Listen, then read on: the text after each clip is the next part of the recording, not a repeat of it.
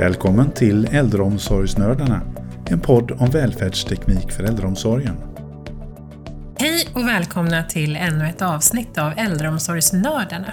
Jag heter Linda Rosell och det är jag som är med idag tillsammans med Mattias. Vi brukar ju sitta här du och jag Linda och köta lite. Jajamän, och med oss idag har vi även Magnus Josefsson.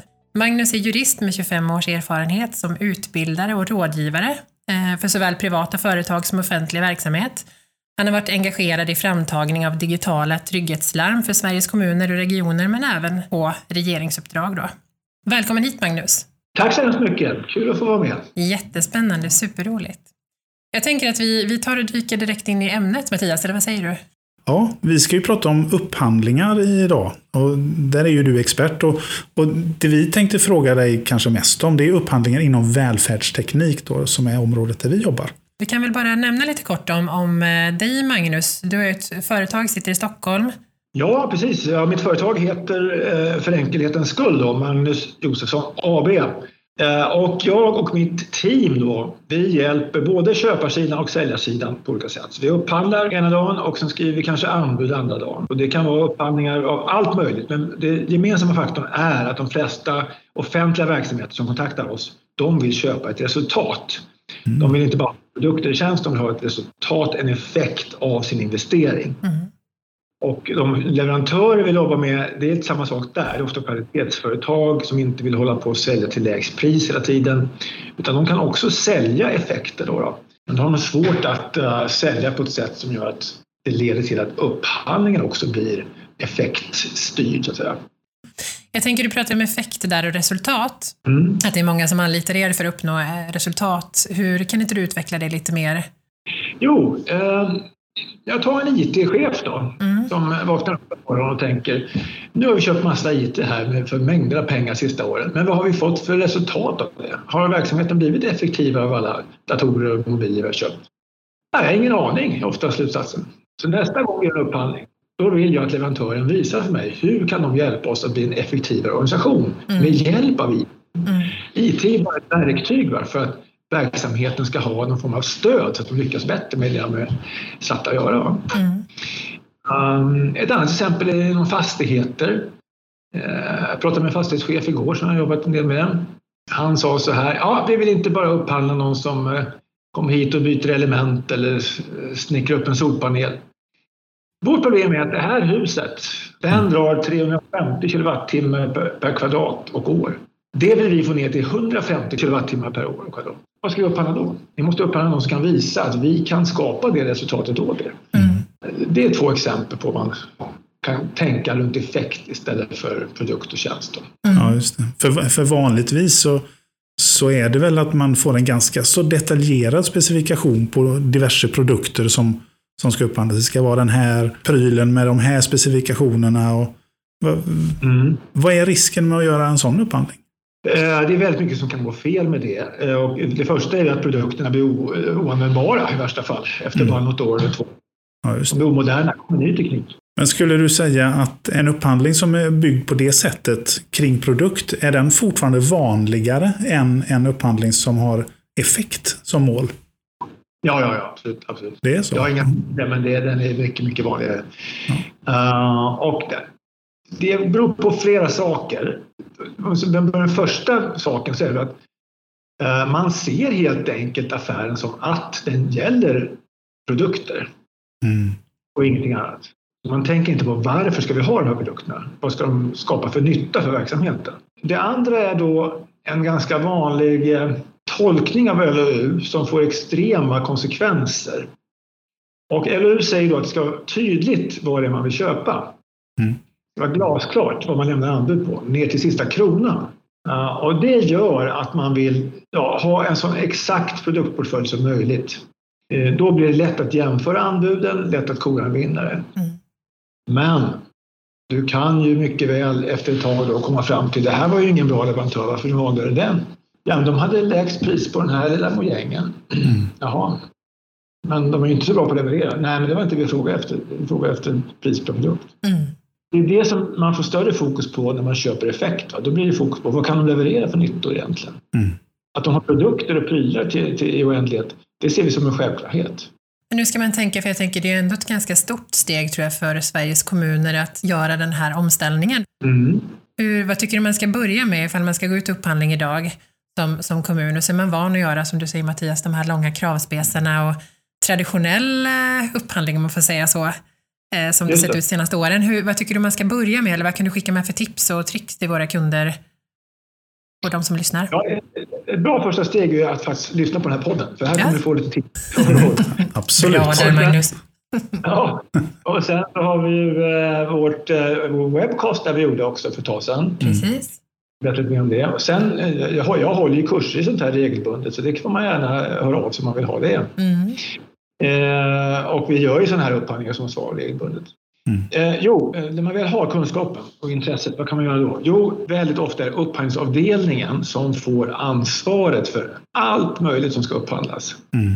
Och det är bara på det sättet att ingen människa, hur smart man än är, kan eh, hantera alla sådana här eh, stora spann av produkter och tjänster och vara expert på alla dem. Va? Nej. Utan man har sitt sätt att upphandla på.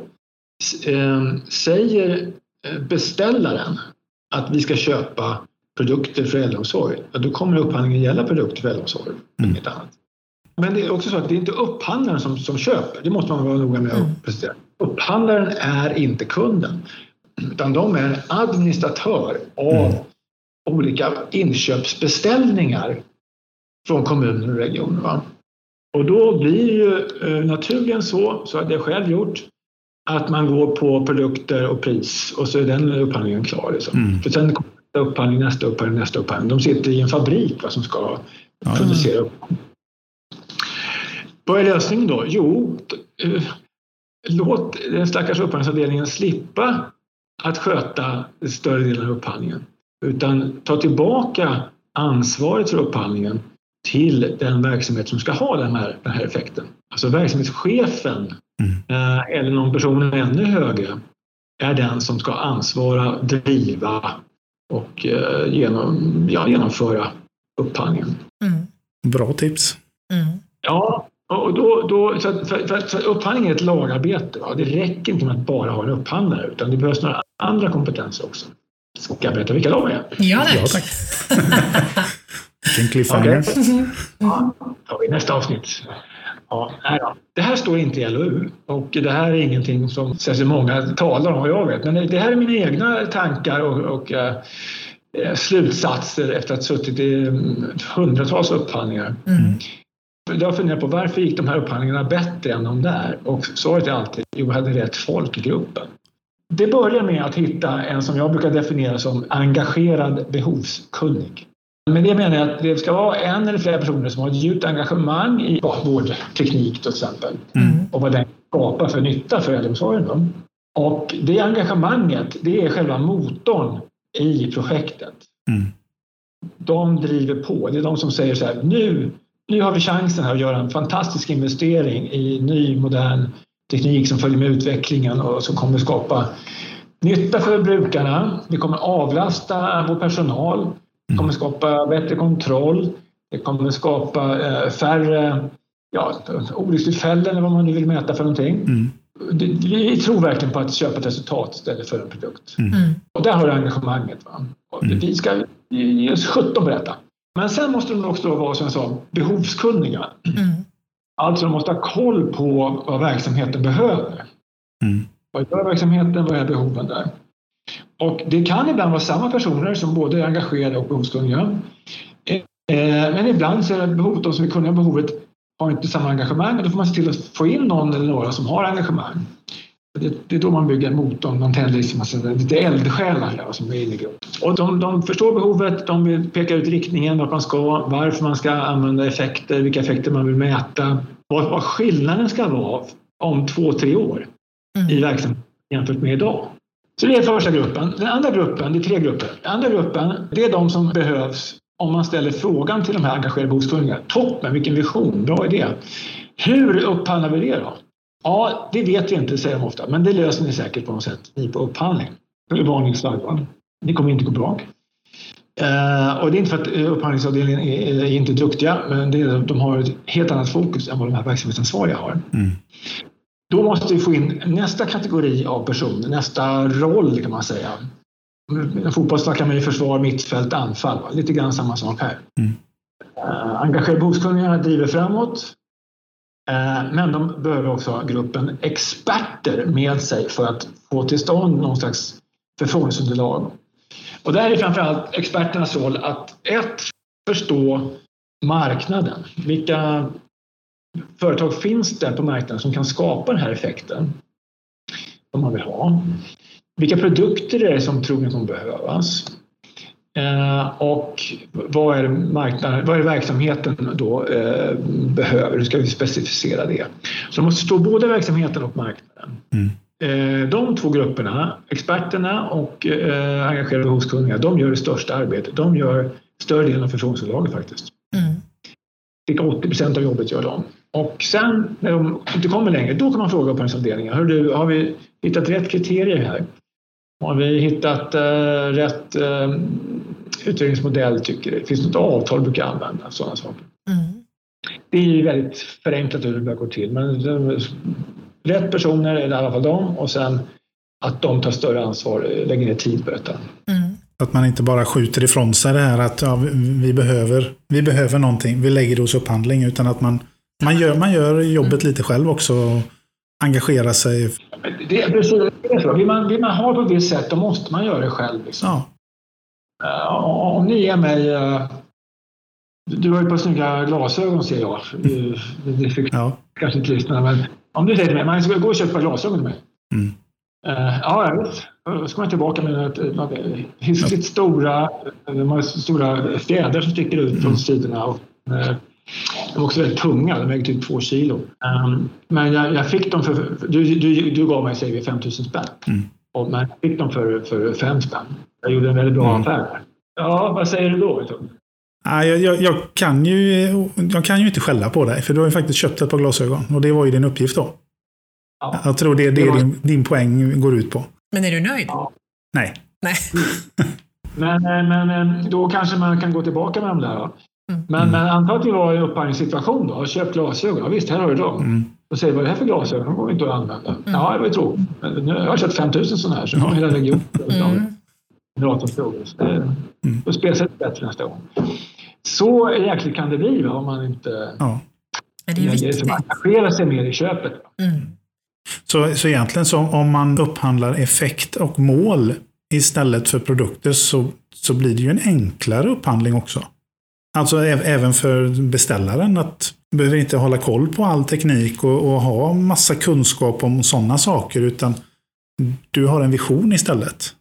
Mm. Som du präntar ner. Det mycket blir enklare under avtalsperioden mm. för beställaren. Därför att man skjuter ju över ansvaret på att tekniken fungerar och att det är rätt grejer som används på leverantören. Mm. Och det är ofta leverantören glad för, för det är de som är experterna på det. Mm. Ja, Om man hela tiden säger att du ska använda produkten A hela tiden. Men varför det? Produkten B är mycket bättre. Ja, men den är inte med på avtalet. Den, eller det, det, har vi inte sagt. Vi säger att det ska vara A. Det är så vi vill göra här. Mm.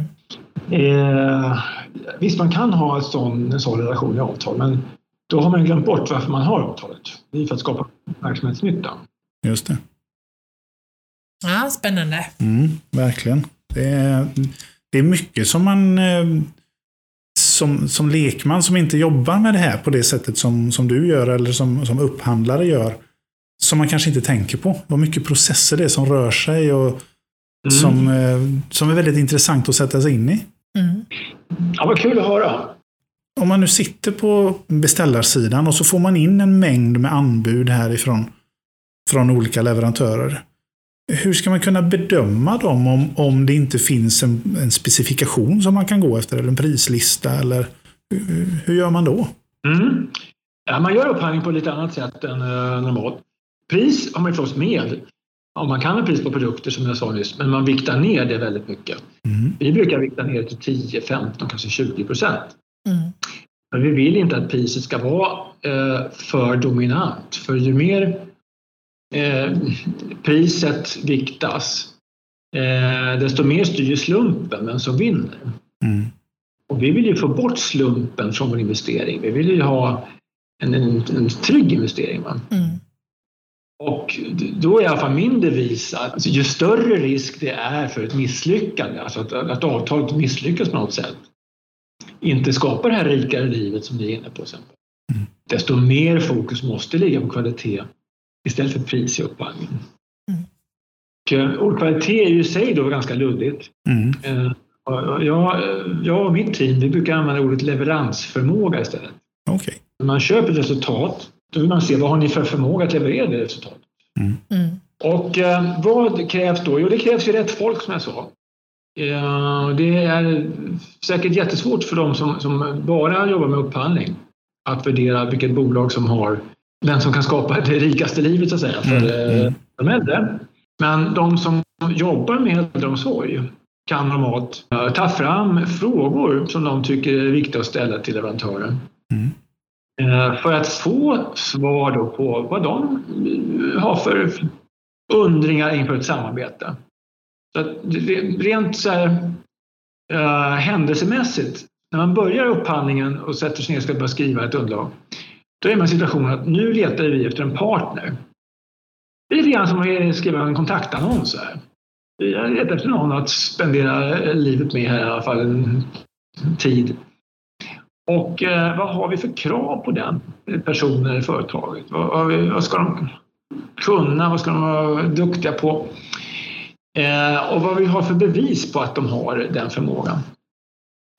Det kanske man inte begär en kontaktannons, men på en upphandling ska man göra det. Mm, mm.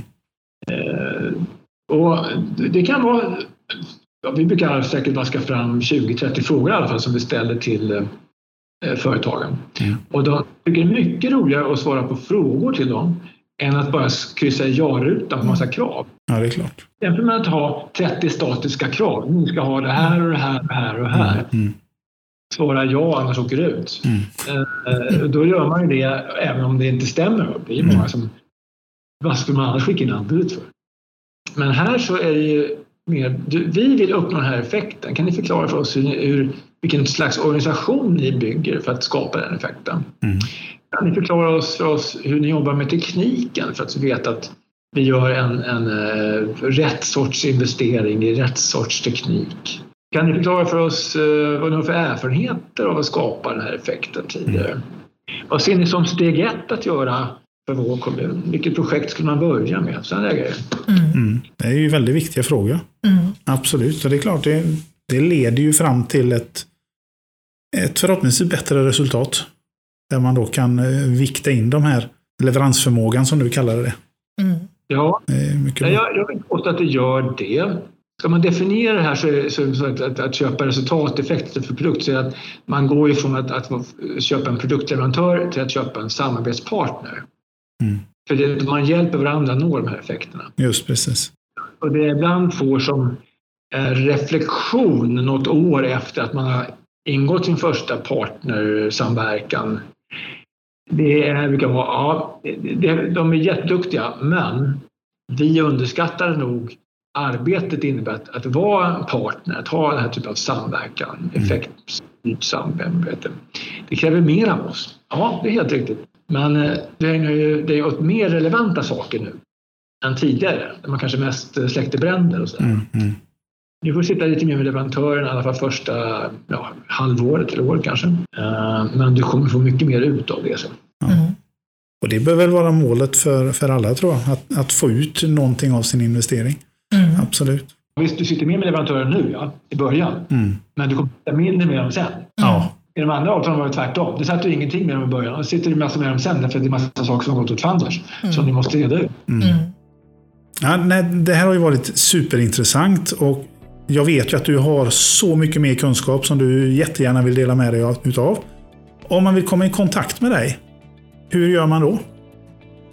Ja, det finns ju min hemsida, magnusjosefsson.se. Ja. Eh, LinkedIn går utmärkt också. Ja, jättebra. Och, eh, är du verksamhetschef eller liknande och vill göra en sån här upphandling så ta kontakt med mig kan vi se vad, eh, vad man kan hitta på. Ja. Mm. Ja, men jättebra tips. Det här kommer ju säkerligen att skapa bättre avtal i framtiden. Det tror jag. Som, mm. som gynnar både verksamhet och eh, leverantörer. Och Stort, stort tack för att du tog dig tid Magnus. Tack själva. Och tack, eh, tack alla ni som lyssnar också den här gången. Och vi hoppas att Du har lärt dig något som du kommer att ha nytta av. Glöm inte att prenumerera så missar du inte något avsnitt. Tack för idag säger Mattias och Tack så mycket, säger Linda. hej då! Hej då!